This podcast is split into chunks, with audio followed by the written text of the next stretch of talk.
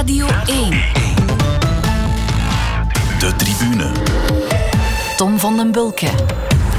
Een heel goede avond. Nog 109 dagen wachten en dan wordt de omloop het nieuwsblad gereden. Jawel, na een heel intense koersperiode dreigt nu het zwarte gat voor de wielerfans. Maar kijk, wij gaan het leed verzachten en nog eens een uur lang over koers praten. We doen dat met twee mannen met gemeenschappelijke passies. En dat zijn Thomas de Gent, coureur bij Lotto Soudal, en Jonas Heijerik, hoofdredacteur van het uh, onvolprezen Bagamontes en ook auteur van het uh, pas verschenen boek over Thomas de Gent. Goedenavond, Jonas. Een goedenavond, Tom.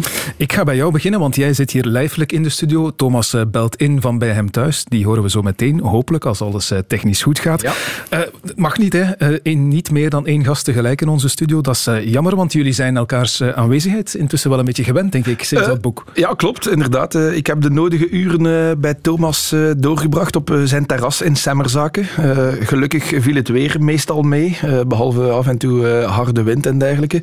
Maar we hebben dus de nodige uurtjes bij elkaar doorgebracht, ja. ja ik sprak al over die gemeenschappelijke passie die jullie hebben. Dat is uiteraard fietsen, maar jullie hebben ook iets met bier, heb ik begrepen. Uh, wel, wij drinken uh, allebei nogal graag een biertje. En uh, Thomas wist dat blijkbaar van mij, want voor elke dag dat we samen afspraken, had hij een fles Sint-Bernardus voorzien. En die hebben we dan telkens samen in de namiddag soldaat gemaakt. Heel plezant. Dat, dat geloof ik graag. Solo is de titel van het boek. We gaan het er straks zeker nog over hebben. Maar eerst over naar Thomas zelf. Goedenavond, Thomas. Goedenavond. Jij zit dus thuis in uh, Semmerzaken. Dat kwam je eigenlijk ook niet slecht uit, hè? want je had daarnet nog een videomeeting met de hele ploeg van uh, Lotto Soudal. Heb je je winterprogramma gekregen intussen? Ja, het is vooral uh, de, het winterprogramma. Niet zozeer mijn individueel winterprogramma, maar bijvoorbeeld de testdagen, wanneer dat, dat doorgaat, wat dat er allemaal doorgaat op die, die dagen. De stages werd besproken. wedstrijdprogramma op zich nog niet, maar we hebben wel de koersen doorgekregen dat we zullen rijden. En uh, ja, het was vooral leuk om iedereen nog eens te zien. Ook al is het maar online. Er zijn veel nieuwe jongens en die moeten ook gezien worden natuurlijk. -hmm. Dus jij weet al welke koersen je gaat rijden volgend seizoen. Mogen wij dat ook weten? Ik, ik weet ze nog niet. We, we hebben gewoon het voltallig programma gekregen. Dus ah, als okay. een driedubbel programma. En ik mag uh, zelf al een keer aanduiden wat ik graag zou rijden. En dan uh, beslist de ploeg of dat, dat mogelijk is of niet. Maar ik denk dat het ongeveer hetzelfde zal zijn als ander jaar. Dus Parijs-Nice, mm -hmm. Catalonië, Baskeland. Uh, zo die koersen allemaal. En dan de grote rondes. Ja, je bent de man van lijstjes, hè, Thomas. Dat hebben we kunnen lezen in het boek onder meer. Ja, wat heb je nu nog extra aangekruist? Wat is er nog niet afgevinkt op jouw uh, lijstjes? Um, er, er, is nog heel veel niet afgevinkt, maar het, hetgeen dat, uh, dat nu mij is opgevallen is uh, de bergtrui in, in de Giro. -hmm. Dus Tim Welles, mijn goede vriend, heeft nu in de Vuelta de bergtrui gedragen. En die is nu de enige Belg die in alle drie de grote rondes de bergtrui heeft gedragen. En ik ontbreek enkel nog de Giro. Dus uh, ik maak het mijn doel om daar de bergtrui te kunnen dragen, zodat ik naast Tim Welles kan staan in dat lijstje. Ja, dat is een mooie ambitie voor uh, 2021. Uh, de Giro was je laatste wedstrijd nu. Is het, is het nu vakantie in eigen huis voor jou? Ja, twee weken al uh, dat ik gewoon binnen zit. Vandaag ben ik wel gaan fietsen, gewoon omdat ik zin had om iets actief te doen. Je kunt niet elke dag alleen maar Playstation spelen en binnen zitten. Dus mm -hmm. ik wou vandaag toch eens gaan fietsen en uh, ja, dat deed me toch wel deugd. Maar het is nu de eerste weken toch zonder programma. Gewoon als ik zin heb, mag ik uh, eens buiten. En dat, dat hou ik nog zo tot zeker begin december. Oké, straks veel meer over fietsen. We gaan van wal steken met jullie momenten van de week. En we beginnen met dat van jou, Jonas. Het feit is dat de agent 0-1 achter staat. En we hebben, laten we eerlijk zijn, maar één kans gezien. En dat was die bijna goal van Touw.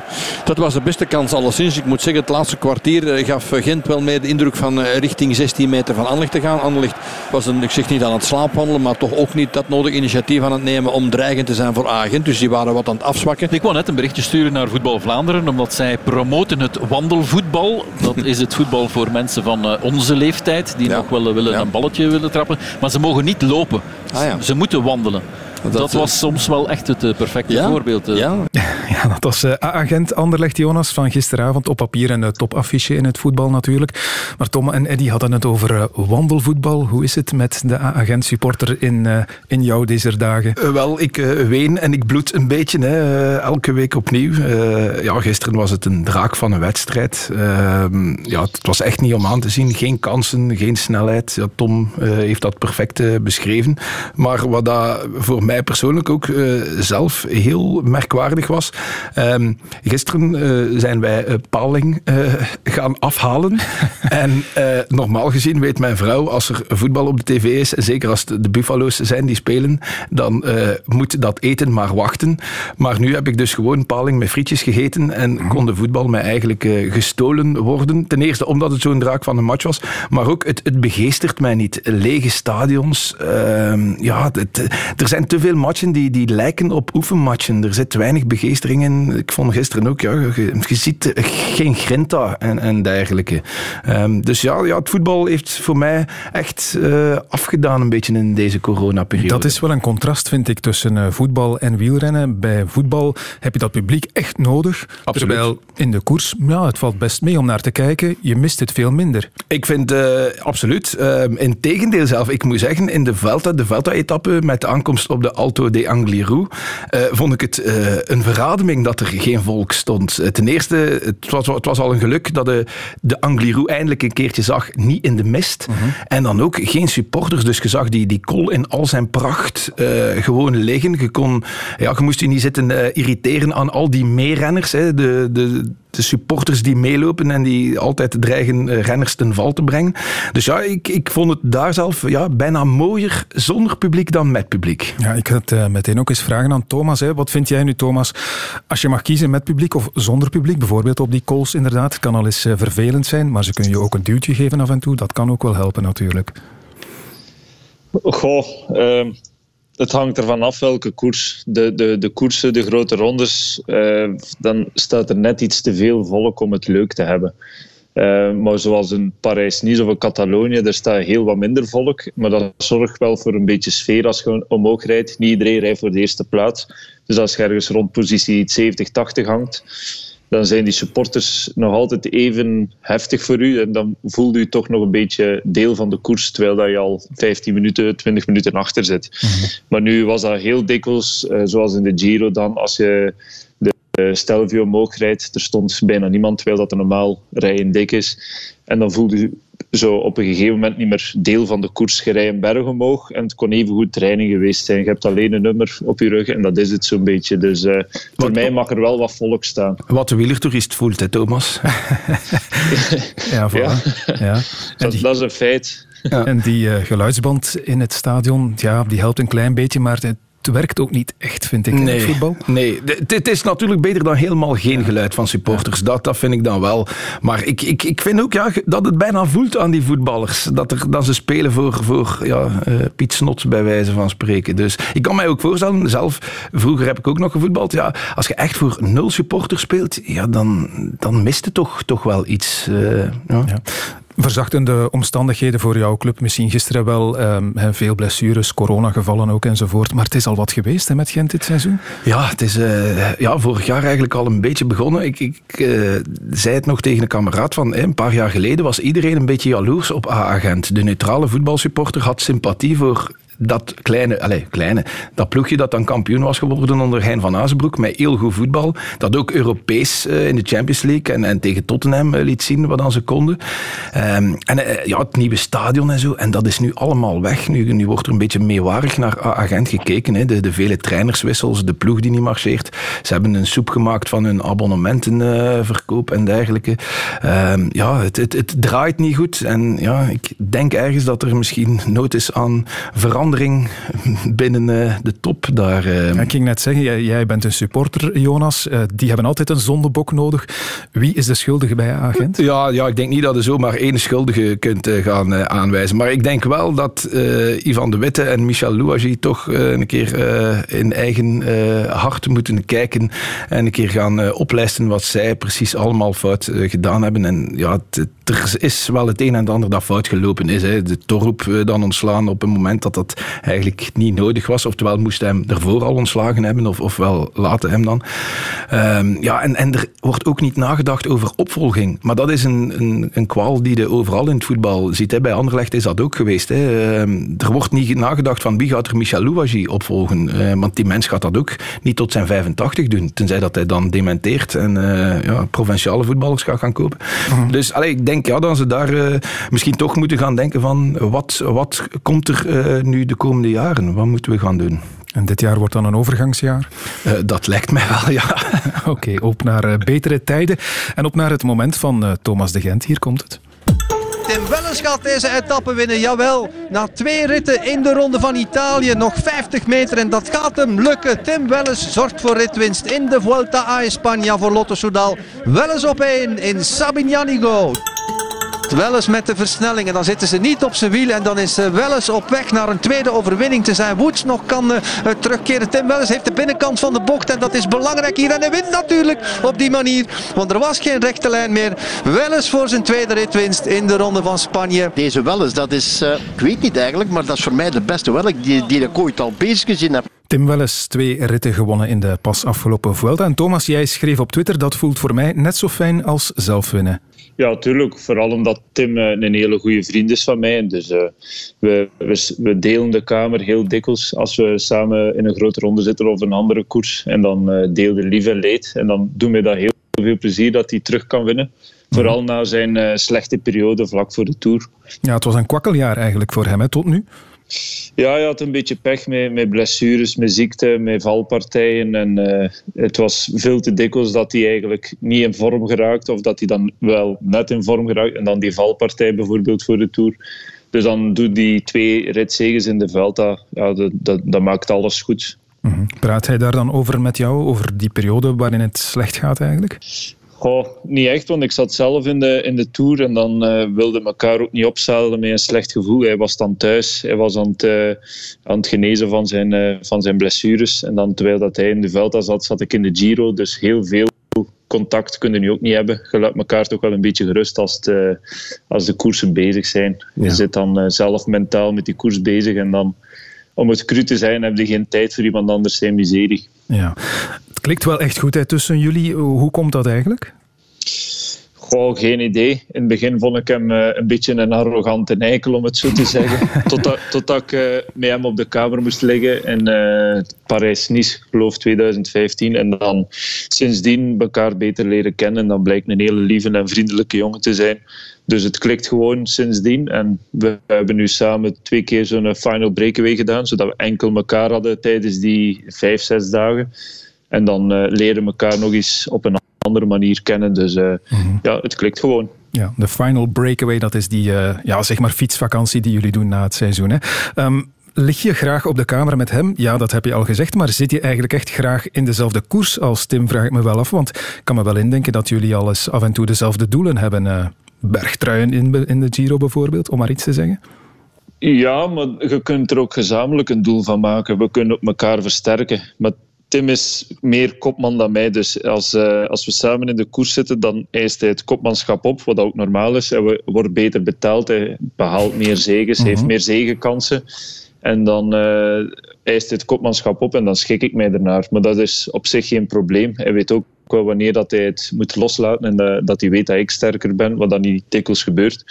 Maar als we samen dan een keer in de Tour uh, zo kunnen rijden, zoals dat hij nu reed in de, in de Vuelta, heel aanvallend voor de bergprijs, ik kan gerust meedoen met hem en dan samen zijn sterker. Dus uh, ik kijk er wel naar uit om dat in de grote koersen samen te kunnen doen en niet zo gezegd tegen elkaar. Ook al heb je elk dezelfde doelen, je kunt er ook samen naar werken. Absoluut, dat is waar. Dat was jouw moment van de week, Thomas. Ja. De tribune. En dat kwam dus uit de Ronde van Spanje. Daarmee hebben we de laatste koers van het jaar gehad. En de winnaar is misschien wel de beste renner van dit gekke seizoen. Second year in a row that you win one Grand Tour and you are on the podium of the other one. Are you now the best Grand Tour rider?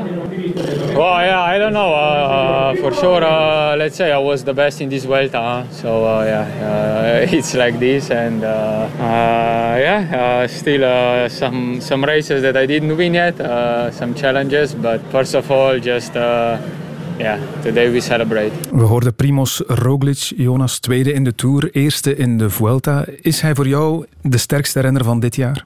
Uh, ja, ik denk wel dat hij de man van het seizoen is. Hè. Um, als je tweede wordt in de Tour en dan eigenlijk zo een nederlaag leidt, hè, zo op de laatste dag, uh, de voorlaatste dag, het moet, moet uh, ik denk veel renners zouden daar echt maanden van moeten herstellen. Nee, Roglic niet. die denkt van goed, oké, okay, ik heb verloren, laat ik nu maar eerst de 2K rijden, waar dat hij goed was. Dan wint hem Luik. en dan gaat hem nog naar de Vuelta. en wint hij dat ook nog een keer. Ja, dat, dat getuigt van een enorme veer veerkracht en een enorm karakter. Uh, ja. Eindwinnaar in de Vuelta, ook vier ritten gewonnen. Thomas, hoe kijk jij naar de figuur Roglic? Ja, ik, ik zie hem heel dikwijls in het peloton. En die babbelt af en toe eens tegen mij, maar het is, het is een zandstrooier. Mhm. Zoals dat we zeggen, is echt de hele tijd dat hij slechte benen heeft en dat hij slecht is. En dan ondertussen, uh, drie, vier uur later, dan uh, komt hij als winnaar van de rit over de meet. En dan denkt hij, ja, jongen, je weet nog niet eens half hoe sterk dat je bent. Zit uh, dikwijls, dikwijls te zuigen over slechte benen. Maar het is, ik denk voor veel mensen nog een onbekend, uh, toch qua karakter onbekend figuur. Iedereen kent nu wel Roglic. Maar de persoon achter de renner, die, die kennen niet veel mensen. En hm. ik denk dat, die, dat, we, dat, dat iedereen wel er een beetje nerveus, niet nerveus, maar naar uitkijkt naar wat voor een persoon dat hij echt is buiten de, de renner Roglic. Ja. Eh, ik, ik, dat, is, dat is waar, Thomas. Ik, of Jonas, ik ging net zeggen, uh, het is niet echt een grote persoonlijkheid hè, naar de buitenwereld toe. Nee, dat is een beetje jammer. Hè. Hij heeft een beetje het charisma van een deurklink, uh, bij wijze van spreken. Nu ben ik wel misschien een beetje te grof. Maar uh, ja, hij heeft, hij heeft, weinig uitstraling. Ik heb hem ook geïnterviewd een paar maanden geleden. En het is geen cadeau om, om die jongen een uur lang voor uw bandopnemertje te hebben. Hij spreekt nogal... Ja, hij, hij spreekt ten eerste al niet heel erg goed Engels. Hij spreekt dan ook nog heel erg in clichés en hij zal rap zeggen van ja, I don't know en, en, toestanden. Dus het is heel moeilijk om, om de mens achter de renner te leren kennen. Hij is heel uh, gesloten en dergelijke. Maar het is wel inderdaad zo, like dat Thomas zegt. Ik denk dat die jongen uh, de helft niet weet van hoe goed dat hij eigenlijk wel is en wat dat er nog allemaal in zit. Ja. Hij is 31 nu, Roglic, uh, Thomas. Heeft hij nog, nog veel marge of zit hij toch aan zijn plafond nu stilaan, denk je? Ik hoop dat hij aan zijn plafond zit, want hij zit al, hij, zit al boven ons. Dus uh, mm-hmm. van mij mag hij blijven waar hij is. Hij behoort al tot de sterkste. En als je Luik, Bastenaken, Luik wint en je wordt tweede in de Tour en je wint de Vuelta... Uh, ja, als hij dit niveau nog tot zijn 36 kan houden, dan gaat hij een heel mooie palmares bij elkaar rijden op een korte tijd. Hij is ook laat in het wielrennen gestapt, dus dat is wel een voordeel het is niet een renner die van op zijn 22 bij de profs komt en dan uh, nu eigenlijk al beetje uitgeblust geraakt. Hij is mhm. er, uh, om het zo te zijn, om een vers bij, sinds twee, drie jaar zeker. Dus uh, hij heeft nog, een, nog een, een, een, heel mooie carrière voor hem en hij gaat dat gewoon op korte tijd opvullen met, met heel mooie koersen. En ik ben ervan overtuigd dat de Tour de France er gewoon gaat, gaat tussenstaan op het einde van zijn carrière. Ja? ja? kijk, daar twijfel ik nu wel aan. Ik denk dat hij daar uh, zijn ultieme kans dit jaar al verkeken uh, heeft. Dat hij het niet, niet meer gaat opkunnen tegen al dat jong geweld dat er uh, zit aan te komen. Jij denkt van wel, Thomas? Ik, ik denk van wel, vooral omdat die, de, de combinatie tussen tijdrijden en bergop rijden en steile klimmen, dat is gewoon top bij hem. Hij is, in alle drie behoort hij tot de drie beste. Dus ja, je, weet niet hoe, zoals bij uh, Pojakar, bergop zakte die er af en toe eens een klein beetje door. En dat, dat was bij Roglic en die heeft het gewoon laten, ja, een beetje... Ja, ik, weet, ik weet niet of dat pech was of dat hij gewoon een minder goede dag had, maar in de laatste tijd heeft hij het laten, laten gaan mhm. in, de, in de Tour. Ja. Maar dat kan de volgende keer helemaal niet zijn en dan uh, wint hij zoals nu in de Vuelta met een kleine voorsprong, maar dan wint hij wel. Jonas uh, schudt van nee. Ja, ik, ik, ik, denk toch dat, dat een Pogacar, uh, ja, die gast die is nog zo jong, die kan alleen maar nog verbeteren in, in dat klimmen. En vergeet niet, ja, je zit daar met Remco Evenepoel. Bernal die gaat ook uh, niet zomaar zeggen van, ja jongens, het is goed geweest, ik heb mijn tour gehad en ik kom niet meer terug. Dus ik, ik vrees een beetje dat, dat Roglic binnen tien jaar terug gaat kijken op de Tour 2020 en dat hij gaat zeggen van, verdorie, gemiste kans. Ja. Als we nu over de Tour praten, of over de Giro of de Vuelta, maakt niet constante daarin was dit jaar, het was elke keer spannend tot het einde. Hè. Is dat nu toeval of wat zit daarachter? Wat, wat is er aan de hand? Heb jij daar een verklaring voor? Ik denk dat het dat best aan Thomas vraagt. Hij, hij zat erbij. Ik, ik, denk sowieso, eh, wat dat er de gebleken is, de tijdritten. Hè, die zijn van een cruciaal belang geweest. Ze, ze lagen goed. Het waren mooie tijdritten op het einde, eh, waarvan dat iedereen wist van oké, daar kunnen we nog wel iets gaan forceren. Hè. Eh, ik, als je het hoort, Alan Piper wist heel goed van op de Planche de Belleville gaat het, gaat het gebeuren. Daar kunnen we die een minuut goed maken. Dus dat heeft er sowieso mee te maken. En ik denk ook, ja, eh, aan de Tour, dat was, alle toppers stonden aan de start mede door die corona-toestanden. En iedereen had ongelooflijk veel goesting. Hè. Die zijn erin gevlogen. Uh, ik eh, herinner mij dat ik met Thomas uh, in het begin wel af en toe whatsappte en dat hij zei van, ja, er wordt hier gevlogen, ongelooflijk. Ja, het waren hongerige wolven die zo snel mogelijk eten wilden. En het tijdrijden heeft dus wel degelijk een rol gespeeld, zeg je. Dat zegt ook Michel Wuits. Het, het, is best mogelijk dat de drie grote ronden dat die dit jaar beslist zijn in de tijdrit. Dat is ongetwijfeld zo in de ronde van Frankrijk op La Planche de Belleville. Dat was ook zo met de slottijdrit in Milaan in de ronde van Italië. Dat zal ook wel zo geweest zijn in de ronde van Spanje met de tijdrit die gewonnen werd door Roglic. En tijdrit is wat mij betreft nog altijd de meest individuele expressie van een vermogen. Dus tijdritten moeten in zo'n grote ronde. Men heeft nu ook, denk ik, goed begrepen door de omwenteling uh, dat een uh, tijdrit uh, van een extra piment kan zijn, van een extra gehalte en extra gelaagdheid. Zeker als die aan het eind komt en een verschil moet maken tussen superieur en net inferieur. Ja, als je de drie grote rondes neemt, was de gemiddelde voorsprong van de eindwinnaar maar 41 seconden. Een primeur in de geschiedenis van het wielrennen. Thomas, hoe heb jij daar naar gekeken? Hoe heb jij dat meegemaakt ook? Ja, wat dat er wel was in de grote rondes, dat was dan minder in die kleinere koersen. Um, het kon op ieder moment stoppen. Dus in de Tour, vooral in de Tour, omdat dat de eerste grote ronde was, werd er gezegd de Tour kan uh, uh, stilgelegd worden na de eerste rustdag. Als er te veel positieven zijn, dan uh, wordt de Tour stilgelegd of op de tweede rustdag. Dus dan kreeg je ook wel het, het gevolg dat wie dat toen in de gele trui stond, die had een beetje het mentale voordeel. Oké, als ze de, de Tour stilleggen, ik ben dan eindwinnaar. -huh. En daarmee kreeg je ook wel iedereen een dag een beetje het gevecht om toch die gele trui te kunnen pakken. Die klassementsrenners die, die, die bleven dichtbij staan, die gaven elkaar niks van, van, van duimbreedte toe. Er werd ook niet roekeloos gereden onder de klassementsrenners, omdat die positie in het klassement op ieder moment eigenlijk belangrijk was. En dan krijg je ook wel kleine verschillen op einde, want het is niet alleen de eerste en de tweede, maar ook de derde, vierde, vijfde, die stonden helemaal niet zo ver in ieder klassement. Ja, in de Vuelta en zeker ook in de Giro had je dus ook die tijdritten. Als je kijkt naar de Tour van volgend jaar, 58 tijdritkilometers, dat is uh, behoorlijk wat. Um, moet Remco Evenepoel niet naar de Tour om daar te winnen? Wat denk jij?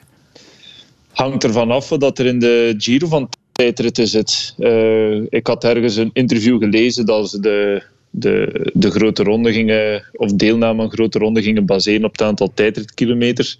Nu in de Tour 58, dat is al veel meer dan dit jaar. -huh. um, volgend jaar in de Giro zal dat waarschijnlijk ook wel weer drie tijdritten of twee tijdritten in zitten. In de Giro zijn er ook altijd langere, dus ja, ik, ik, ik kan over Remco niks zeggen. Ik kan niet zeggen wat dat het beste is voor hem, want voor hem tellen al die wielerwetten niet. Ze zeggen altijd, de Tour moet je niet in debuteren als grote ronde, maar voor hem telt dat waarschijnlijk gewoon niet. Dus uh, ze zullen het zelf wel weten wat dat het beste gaat zijn voor hem. En waarschijnlijk gaat hij ook wel al weten waar hij het meeste goestingen heeft. Waarschijnlijk dat hij al voor zichzelf heeft uitgemaakt. Ik heb wel zin in die Tour en de strijd ervoor. Dus ja, het is vooral aan hem en uh, zijn ploegleiding om dat te beslissen. Ja, uiteraard. Wat denk jij, Jonas? Want er zijn natuurlijk ook die Olympische Spelen. Hè? Ja, dat zal al een uh, grote hypotheek leggen op alle uh, renners. Hè. Ze gaan keuzes moeten maken. dat gaat over Van der Poel, maar dat gaat over Alaphilippe, dat gaat over Evenepoel.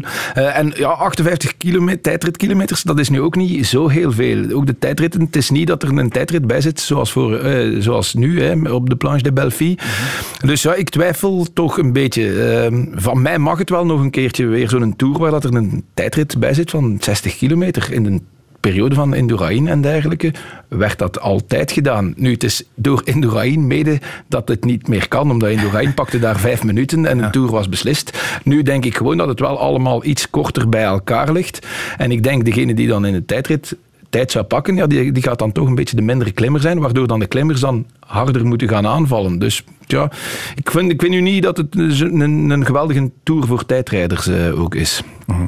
Laten we dan eens kijken naar uh, jouw ploeg uh, dit seizoen, Thomas. Lotto Soudal, de Vuelta, mag je zeggen, gered door Tim Welles. De Tour gered door Caleb Ewan.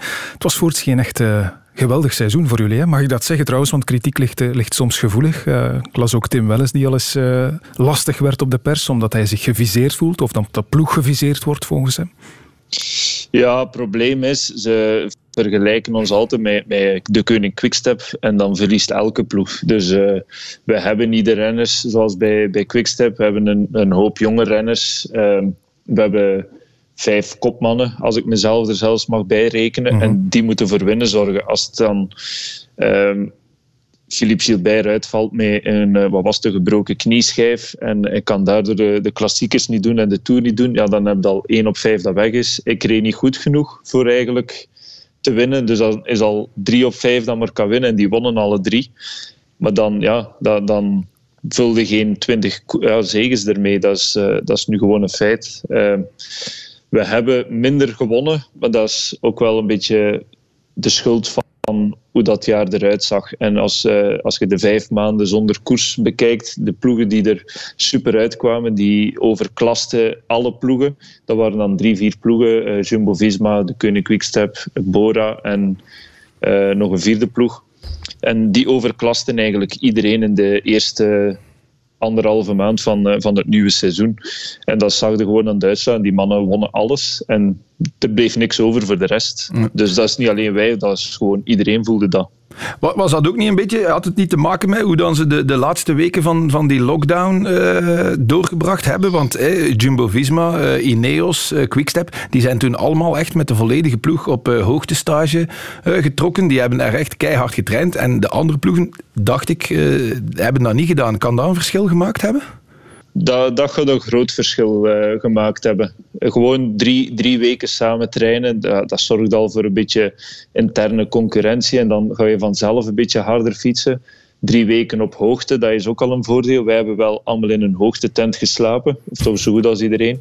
Maar ja, dan, als je gaat trainen, dan train je nog alleen. Dan zit die, dat, dat competitieve zit er niet in. En na vijf maanden zo zonder competitie, dan voelde dat gewoon bij de herstart dat je dat je dat mist. Je hebt dat gemist, die, die hoge waardes. Dat, je moet dat tegen iemand anders kunnen doen uh, om, om echt er je voordeel uit te halen. En als je dat alleen toen dat, dan haalde gewoon die hoogste waardes niet. Dus die ploegen hebben allemaal gezamenlijk ergens op een berg gezeten en dat zag je gewoon bij de start. We gaan straks zeker nog uh, verder hebben over de invloed van corona op dit koersseizoen. Nog even over Lotto Soudal, Thomas. Um, daar is wel vrij veel rond te doen geweest hè, dit jaar rond jullie ploeg. Jij hebt bijgetekend, maar een handvol anderen moeten dan weer weg.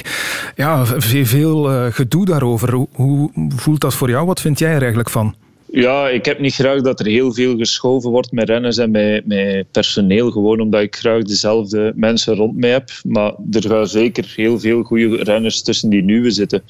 Uh, een paar van die renners uh, komen van de jongere ploeg van ons. Dus die, die, die hebben daar een, een strepen wel verdiend. Uh, die ene won uh, de, de kleine ronde van Lombardije. Die andere winnen ritten hier en daar in zware bergritten bij de belofte. Dus die, dat, gaan, ja, dat zijn geen sukkelaars. Dat, dat maar het zijn, zijn allemaal jonge zitten. gasten, hè, Thomas, waar nu op ingezet wordt. Het, het zogenoemde middenveld, is, is er wat van tussen? Ja, en dat gaat volgend jaar misschien tegenvallen. Dat kan ook meevallen. Maar dat gaat wel heel goed zijn voor de toekomst. Voor 2022, voor 2023. Dan komen die mannen allemaal bovendrijven. Die jonge mannen van twee jaar geleden, die komen nu dit jaar ook bovendrijven. Gerbe Thijssen, een Harm van Hoeken. Die komen nu ook uh, terug eigenlijk op een niveau dat ze bij de belofte haalden. Die beginnen dicht bij, bij winst te zitten. Dus mm. volgend jaar doen die weer een stap vooruit. En dat gaat bij die andere jonge mannen dat we volgend jaar hebben, gaat dat juist hetzelfde zijn. Volgend jaar, ja, dat is normaal, dat is een aanpassingsjaar. Maar de jaren daarna zitten we misschien met, met toptalent in ons ploeg. En dan, dan gaan ze zeggen dat is een fantastische zet geweest van Lotto Soudal. Ja. John de Longe zegt, uh, Jonas, dat er inderdaad vol ingezet wordt op die jeugd. Een beetje raar dan misschien als je kijkt naar vorig seizoen, uh, ja. waarbij Gilbert en, en Degenkool binnengehaald worden.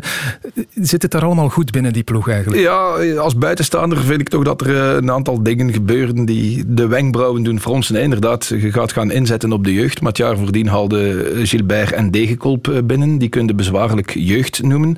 Je hebt dan een, een, een, groot talent uit eigen rangen, hè, Stan, Stan de Wulf, die eigenlijk heel graag wilde blijven bij, bij Lotto Soudal. Uh, maar die dan ja, uh, geen, geen aanbod zelf kreeg. Uh, die dan zelf, hij, hij, was toen gecontacteerd door AG Deser, was dan zijn contract, allee, voorstel gaan, gaan tonen aan, aan John Lelange. Uh, en John zei, oh, oh, mooi, mooi voorstel, dat moet je doen. Mm. Dus dan denk ik, ja, je hebt dan iemand van eigen jeugd in, in de rangen, een talentvolle jongen. Uh, dus, maar ja, goed, ik snap ergens ook wel veel van die jongens van het middenveld moesten misschien al vorig jaar of twee jaar geleden uh, de deur zijn aangezegd. Maar de manier waarop, uh, ja, vind ik toch ook maar uh, ja, niet, niet echt kosher. en ja, ik vind dat de, het familiale, wat dat Lotto altijd een beetje was, soms een beetje te zelf, is, is nu wel helemaal weg. ja, dat, dat kun jij al dan niet bevestigen, hè, Thomas. Is het inderdaad zo, het familiale, is dat een beetje verdwenen bij Lotto Soudal? Ja, dat verdwijnt zachtjes aan, maar dat is vooral omdat er telkens nieuwe, nieuwe jongens bijkomen. En toen dat ik erbij kwam, ik was een van de, ik geloof, drie nieuwe jongens in de ploeg. Dus ja, dan, dan als je maar drie nieuwe renners hebt op een, eh, op een kern van 27, dan kom je gewoon zogezegd in een vriendengroep terecht, terwijl dat je nu een derde nieuwe ploeg hebt. Dan, moet, ja, dan, moet, dan moeten banden gesmeed worden dat duurt altijd even. De, de, er gaan koersen over. Sommige jongens zie je zelfs niet eens in koers. Dus er moet eigenlijk een teambuilding voor hebben.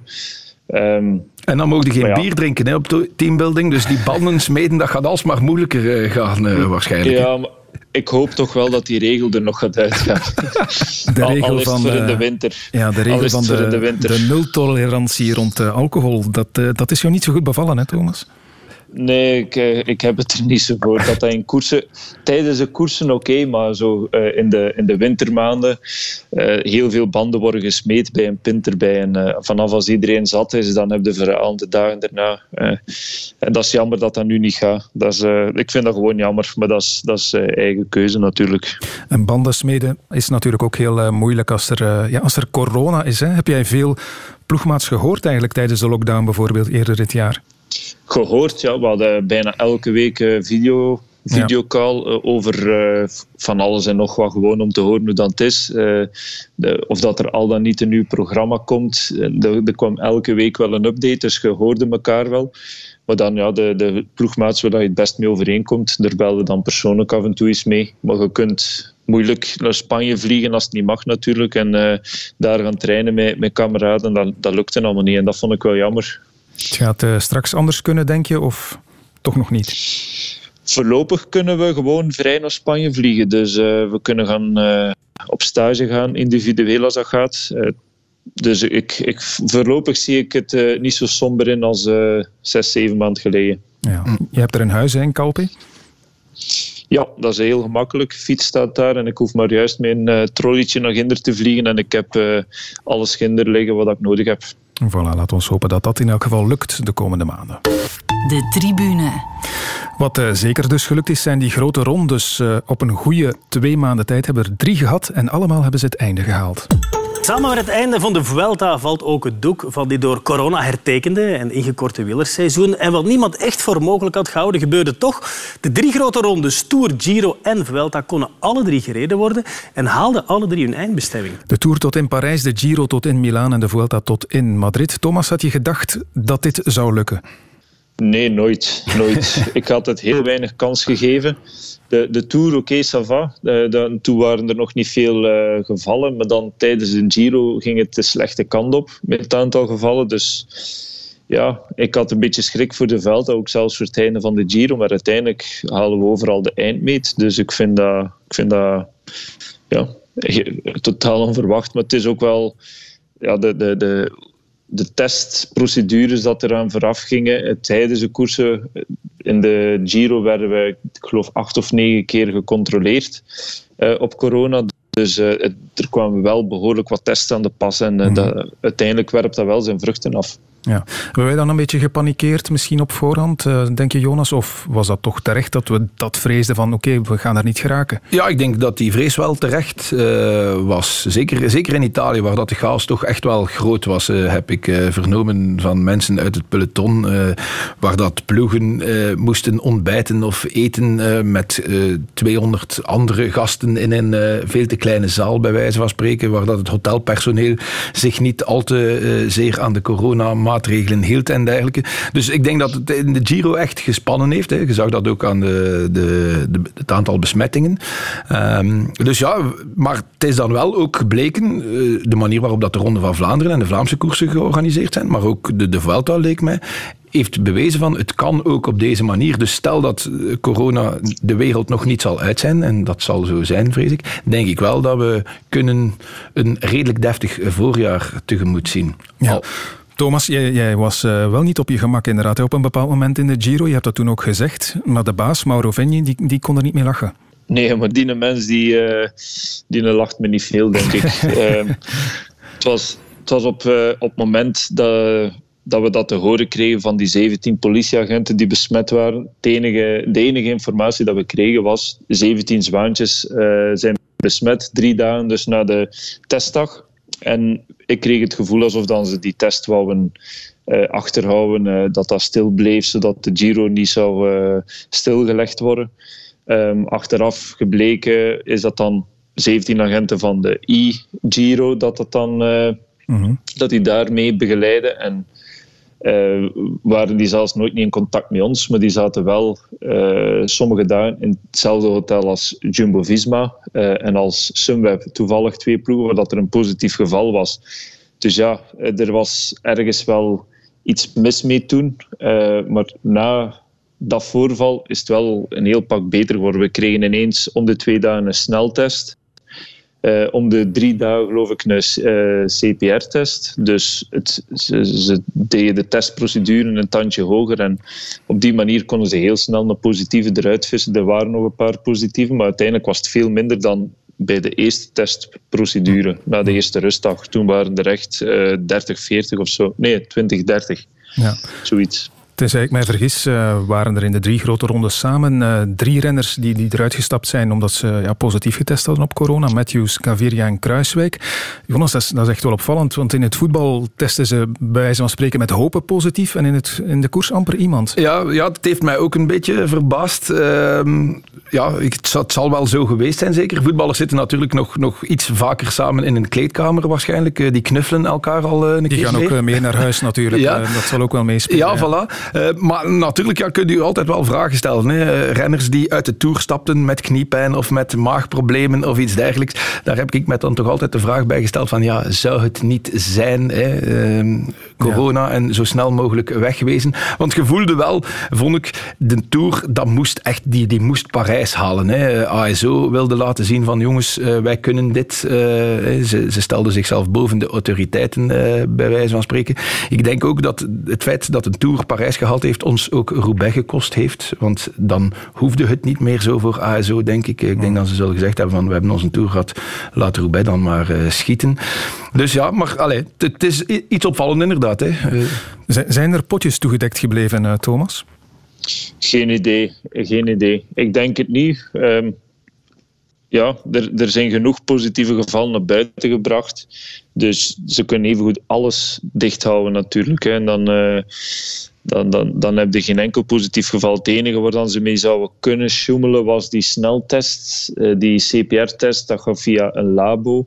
Dus die, die uitslagen komen altijd naar buiten. Dat is niet meer in handen van de organisatie. Die sturen ook gewoon naar een nationaal labo en die uh, analyseren dat. Maar enkel die sneltest, dat is gewoon staafje in een potje steken en tien minuten wachten. Dat kan uh, gewoon water geweest zijn en gezegd hebben hier, we zijn allemaal negatief, het is in orde. Maar ja, ik denk niet dat ze, dat ze risico gaan nemen. Het is ook wel in vergelijking met voetbal. Als wij trainen, wij trainen alleen, we trainen niet in ploeg. En bij de voetbal trainen ze in ploeg en dan komt er nog redelijk veel met elkaar in contact. Dus eens dat daar iemand besmet is, dan kan dat redelijk snel rondgaan. Buiten in, in het koersen de enige waar dat je echt mee in contact kwam, was uw kamergenoot. En al de rest uh, kwam er wel tegen, maar er, stond, dat, bleef niet lang bij een verzorger. Dat was dat met mondmasker, een mechanieker. Er ging er zelfs bijna niet bij praten, weer echt afzonderlijk houden. Maar gelijk op de ploegbus, hadden jullie dan ook met, met mondmaskers uh, aan bij de, bij de tactische bespreking en zo? Ja, Iedereen mondmasker aan totdat je buiten de bus ging, enkel in de douche. Maar ja, dan stond ook met één iemand in de douche, maar dat was met de rug naar elkaar. Dat doen, dat doen we sowieso. Maar, dat doen we sowieso, maar toch uh, was dat nog altijd met de rug naar elkaar. En uh, als we richting de koers of van de koers naar het hotel gingen, was dat altijd met mondmasker aan. Er werd opgehamerd dat dat moest en dat proberen we ook zo goed mogelijk na te leven. Behalve dan als je iets aan het eten waart of je was iets aan het drinken, dan, uh, dan mocht het even af. Ja, en veel bezoek hebben jullie ook niet gekregen natuurlijk, net zoals uh, zoveel anderen. Ook geen uh, bezoek van uh, dopingcontroleurs of bijzonder weinig toch blijkbaar. Dat is een belangrijk probleem, vind je? Um, ik geloof dat ik thuis twee keer gecontroleerd ben in de coronaperiode. Dus dat is een pak minder dan anders. Over, over hoeveel maanden spreken we dan? Ehm, het hele jaar al? Over, over, ja. vanaf maart tot nu pakt. Dan, twee keer? Twee, twee keer thuis en in de koers ook twee keer, denk ik. Dus als je wint, worden sowieso gecontroleerd. Dus jammer genoeg ben ik niet meer gecontroleerd geweest. Ik heb niet genoeg gewonnen. Maar het is, sommige keren worden er zo uitgenomen. Um, Mhm. Maar ja, twee keer zijn ze bij mij thuis geweest en dan is het ook met afstand. Je moet een masker aan. Ze verwachten zelfs dat je handschoenen aan hebt. Maar ja, ik heb dat, zo van die latex handschoenen niet zomaar in mijn kast liggen. Dus dan is dat zonder. En dan is het uh, ja, zo coronaproof mogelijk. Hè. Een, een, eigen pen of een gedesinfecteerde pen. En dan uh, op die manier kan dat wel redelijk veilig doorgaan. Maar ik verwacht nu wel dat ze het uh, veel meer kunnen doen. Maar ik denk ook wel in de eerste maanden, met dat de grenzen gesloten waren, meestal komen controleurs van Duitsland. Ik denk dat die daardoor niet naar mij mochten komen. Ah, ja. Of naar andere renners, dat die echt uh, in hun land moesten blijven. En ja, dan kun je niet controleren, ook niet. Ja. Het was dus wel veel minder dan anders. En, en denk je dan dat er toch weer mannen zijn die daar gaan proberen te profiteren? Ja, tuurlijk, er gaan altijd mannen van geprofiteerd hebben, sowieso. Als ze een achterpoortje zien, maar dat zijn die dan altijd een achterpoortje zoeken en die worden uiteindelijk ook wel gepakt. Dat hoop ik toch. Mhm. Maar er zullen wel een paar man de achterpoortje gebruikt hebben. Zo naïef ben ik niet meer, omdat te geloven dat dat niet zou zijn. Ja. Laat ons hopen van niet in elk geval. We naderen alweer de klok van 8 uur en we moeten nog over jullie boek praten. De tribune. Boek is nog maar eh, pas verschenen, Jonas. Eh, Solo is de titel. Heb je veel aan Thomas moeten sleuren of kwamen de verhalen vanzelf? Uh, ze kwamen eigenlijk redelijk vanzelf. Maar ja, wat dat Thomas natuurlijk als ongelooflijke voordeel heeft, zowel zijn papa als daarna Evelien, zijn vrouw, hebben echt heel zijn carrière in mappen gestoken. Dus echt alle mogelijke krantenartikelen waarbij de naam Thomas de Gent voorkwam, werden uitgeknipt. de naam werd in fluo onderstreept. En zo hebben dus eigenlijk, ja, hoeveel mappen waren het, Thomas? Uh, 27, 26, 27, ja, zoiets. Dus, en zo konden we door al die mappen uh, bladeren en dan kwamen de verhalen vanzelf. Hè. Bij elke rugnummer, bij elke foto, bij wijze van spreken, hangt er een anekdote uh, vast. Dus dat maakte het wel heel makkelijk. Ja. Ik heb het ondertussen eh, gelezen. Wat me opviel, Thomas, is dat jij ja, heel veel met je hoofd ook koerst. Hè. Je bent ja, bijna het tegenovergestelde van de zogenoemde domme coureur.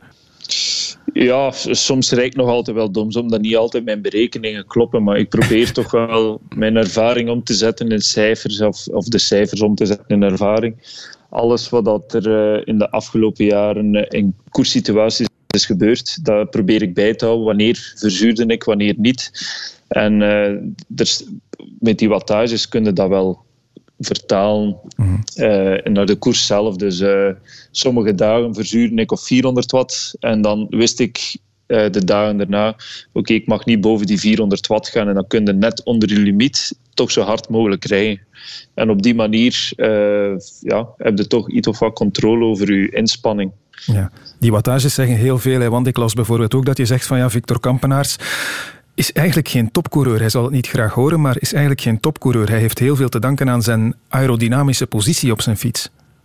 Ja, qua uitzien, hij is wel een topcoureur, maar hij heeft, heeft geen heel hoge wattages. Mm dat, dat, als ik zijn wattages hoor, uh, toen dat hij nog bij de ploeg zat na een tijdrit, en dat was die eerste of tweede of derde, en uh, ik word dan vijfde of zesde op 10 seconden van hem, maar mijn wattages lagen 40 watt hoger en die was toch sneller. En dat is gewoon omdat hij zo aerodynamisch zit. Dus de zogenaamde CDH-waarde, die ligt bij hem zo laag dat hij gewoon niet veel wattage nodig heeft voor, voor zo snel te kunnen rijden. Dus moest hij wel nog eens die wattages erbij kunnen duwen, dan wint hij gewoon bijna elke tijdrit. Dat kan niet anders. Ja, want ik, ik heb uh, Victor Kampenaars voor dit nummer van Bahamontes geïnterviewd. En Victor is dus echt jaloers op, op de, de kracht die Thomas kan ontwikkelen. Uh, die zegt ook van, als ik de benen zou hebben, de, de macht van Thomas, ja, dan win ik elke tijdrit met twee minuten voorsprong, uh, bij wijze van spreken. Dus Victor beseft heel goed dat hij eigenlijk qua wattages en, en qua ja, aangeboren talent eigenlijk inderdaad maar middelmatig is. Maar dan door een ongelooflijke maniacale voorbereiding en door die aerodynamica is Victor wel in zijn vak tijdrijden wel, wel absoluut wereldtop. Hè. Dat heeft hij nu ook nog een keer wel bewezen in, in de Giro. Dus maar inderdaad, ja. Uh, maak de combinatie Thomas de Gent, mm Victor Kampenaerts en dan heb je een ja, iemand, ja, ja, ja. Uh, meervoudig wereldkampioen tijdrijden, denk ik. Absoluut. Het boek is een overzicht van de carrière van Thomas, uiteraard. je jaar bij Quickstep komt er ook in aan bod. Het feit dat er nooit echt een klik geweest is met Patrick Lefevre. Nu zag ik onlangs dat Patrick Lefevre Tweeten dat je hem geblokkeerd hebt op Twitter, Thomas. Waar, waar zit het ergens scheef tussen jullie? Goh, dat is al sinds 2014 of 15, dus dat hij dat nu pas heeft ah, gezien, dat wil al veel zeggen. Dat is, dat is gewoon nooit niet uh, gedeblokkeerd geweest. En op, op zich, ik denk ook niet echt dat ik zijn tweets mis. Uh, het is wel meer reden geweest dat ik ze heb geblokt. Mm -hmm. Dus uh, ja, voor mij, ik, ik, hoef hem niet te deblokkeren en ik hoef ook geen, geen vriendelijke woorden meer van hem. Dat is, dat is voor mij ook niet nodig. Dat is een afgesloten hoofdstuk en uh, meer daarover lees je in het boek. Ga zeker niet alles verklappen, want het moet nog gelezen worden natuurlijk ook, hè, Jonas. Ja. Ik pik er wel nog iets uit, zoals bijvoorbeeld ja, een, een thema waar Thomas echt wel openhartig over geweest is, zijn depressie in 2017, mentale problemen en daarmee was hij zeker niet alleen in het peloton. Nowadays, you look into social media, and everything is uh, everyone is flying first class, and everyone is uh, having only holiday, and riding a bike six hours is uh, no problem. And uh, Thomas de Gent did after the season, he rode home 1,500 kilometers just for fun.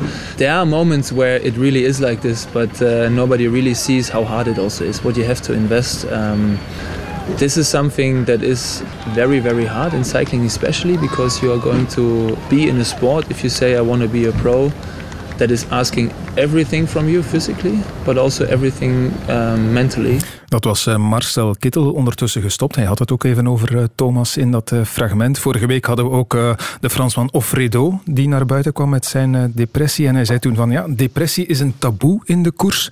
meeste renners verschuilen zich achter hun emoties. Klopt dat inderdaad, uh, Thomas? Is, is dat een onderbelicht thema? Is dat taboe in het peloton?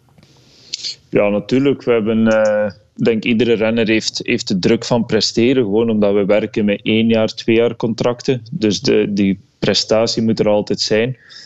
En ja, bij veel renners kruipt dat gewoon in het hoofd als je dan uh, eens een moment hebt dat je minder gemotiveerd bent om te trainen of je bent geblesseerd vlak voor de belangrijke periode waar je naartoe hebt gewerkt. Sommige renners spenderen vier maanden aan het opbouwen naar een topconditie en dan bij de eerste dag van die koers vallen ze, breken ze een sleutelbeen. Dat, dat kan niet anders dan mentaal ook doorwegen.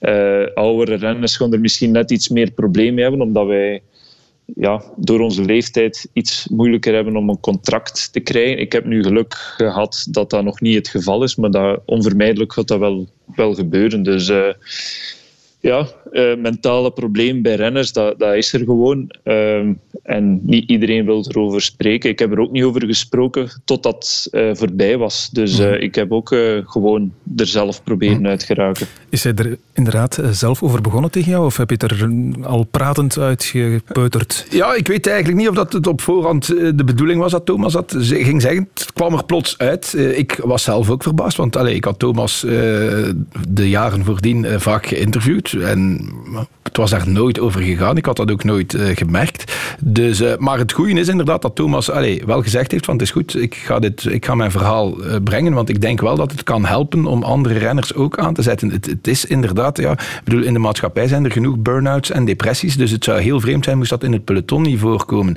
Dus ik denk dat het wel jonge gasten ook kan helpen om te, te, te weten van oké, het, het, het mag en het kan en laat ik er dan maar over spreken en laat ik mij dan maar helpen. Ja, in het voetbal heb je sommige trainers die echt alles willen weten van hun spelers, hoe het is met hun lief enzovoort, wat ze eten. Hoe zit dat in de koers, Thomas? Wat weet uh, bijvoorbeeld John Lelonge van jou? uh, John Lelonge zelf misschien niet veel, maar die, uh, ja, die heeft mensen onder hem staan die dat er, erop mm -hmm. moeten toezien dat we genoeg trainen, dat, dat we de juiste dingen eten. Uh, vanaf als je ergens een pijntje hebt, dan moet je dat laten weten aan de dokter. Komt dat in een, in een centraal systeem, zodat de trainer, de osteopaat, alle andere dokters weten dat je zeer hebt aan enkel, pees, knie, whatever. Dus uh, uiteindelijk gaat hij het wel weten als hij erachter vraagt, maar het is niet dat hij bij iedere renner een, een, een, tab heeft openstaan waar alles op komt. Die heeft zoveel uur getraind, die heeft dat gegeten vandaag. Er zijn allemaal afzonderlijke personen die dat, dat, wel, uh, die dat, dat wel weten. Maar je moet ze wel zelf contacteren en zelf op de hoogte houden. Soms vragen ze het zelf. We hebben het vandaag gedaan, we hebben het vandaag gegeten. maar meestal is het gewoon zelf dat je dat stuurt en uh, ze informeert. Goed, we hebben er een paar dingen uitgepikt uit het uh, boek. Jij mag nog even reclame maken, Jonas. Waarom moeten we het lezen? Goh, ja, omdat ik denk uh, wel een, een, eerlijk en openhartig verhaal is dat Thomas vertelt. Niet alleen over de koersen dat hij rijdt. En hij babbelt heel goed over die koersen dat hij rijdt. Hè. De koers niet hij wint, waarom dat hij ze wint, waarom dat hij ze niet wint.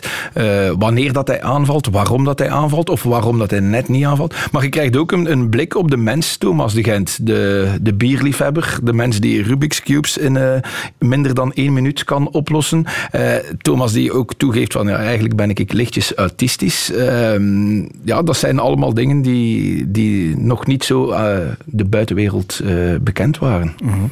Ja, kijk, het is toeval of niet? nee, het is helemaal geen toeval. Maar ik heb iets meegebracht, dat is uitzonderlijk. Kijk, ik zal het je tonen, want het is radio natuurlijk. Jij moet maar zeggen wat het is. Thomas kan het ook niet zien. Ik neem het even.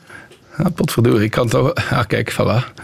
Heel mooi. Een fles Sint Bernardus Abt 12. Heel mooi. Ja, eigenlijk zou ik dat nu met Thomas uh, en, en, jou moeten uh, uh, soldaat maken, net Tom. Het gaat niet lukken, maar je mag het wel meenemen. En dan op dat terras in, in Semmerzaken is het, hè. gaan opdrinken bij Thomas. Voilà, ik ga een van de komende dagen of weken tot in Semmerzaken fietsen met de fles in mijn achterzak. Voilà, prima. Thomas, waar kijk jij nu nog naar uit de eerstkomende dagen, weken, nu de koers in winterslaap gaat?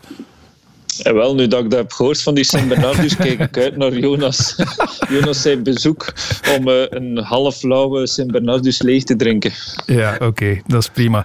En jij, Jonas, uh, want uh, ja, we gaan inderdaad in winterslaap wat de koers betreft. Ja. Maar Bahamontes valt niet stil. Nee, voilà, wij beginnen volgende week aan onze deadline week voor alweer een volgend nummer. dat gaat Vreemde Vogels heten, waarin dat we allerlei ja, rare, unieke figuren uit de koers gaan belichten. Dus voor, voor mij blijft de koers gewoon doorgaan. Oké, okay, vreemde vogels. Ik ben benieuwd naar die volgende editie van Bahamontes. Te vinden in elke krantenwinkel natuurlijk. En ook het boek, dus ik maak er nog even reclame voor. Solo van Jonas Heirik. Jonas, bedankt om erbij te zijn. En Graag ook gedaan. Thomas de Gent natuurlijk. Fijne avond nog, Thomas, daar in Semmerzaken. Ja, fijne avond.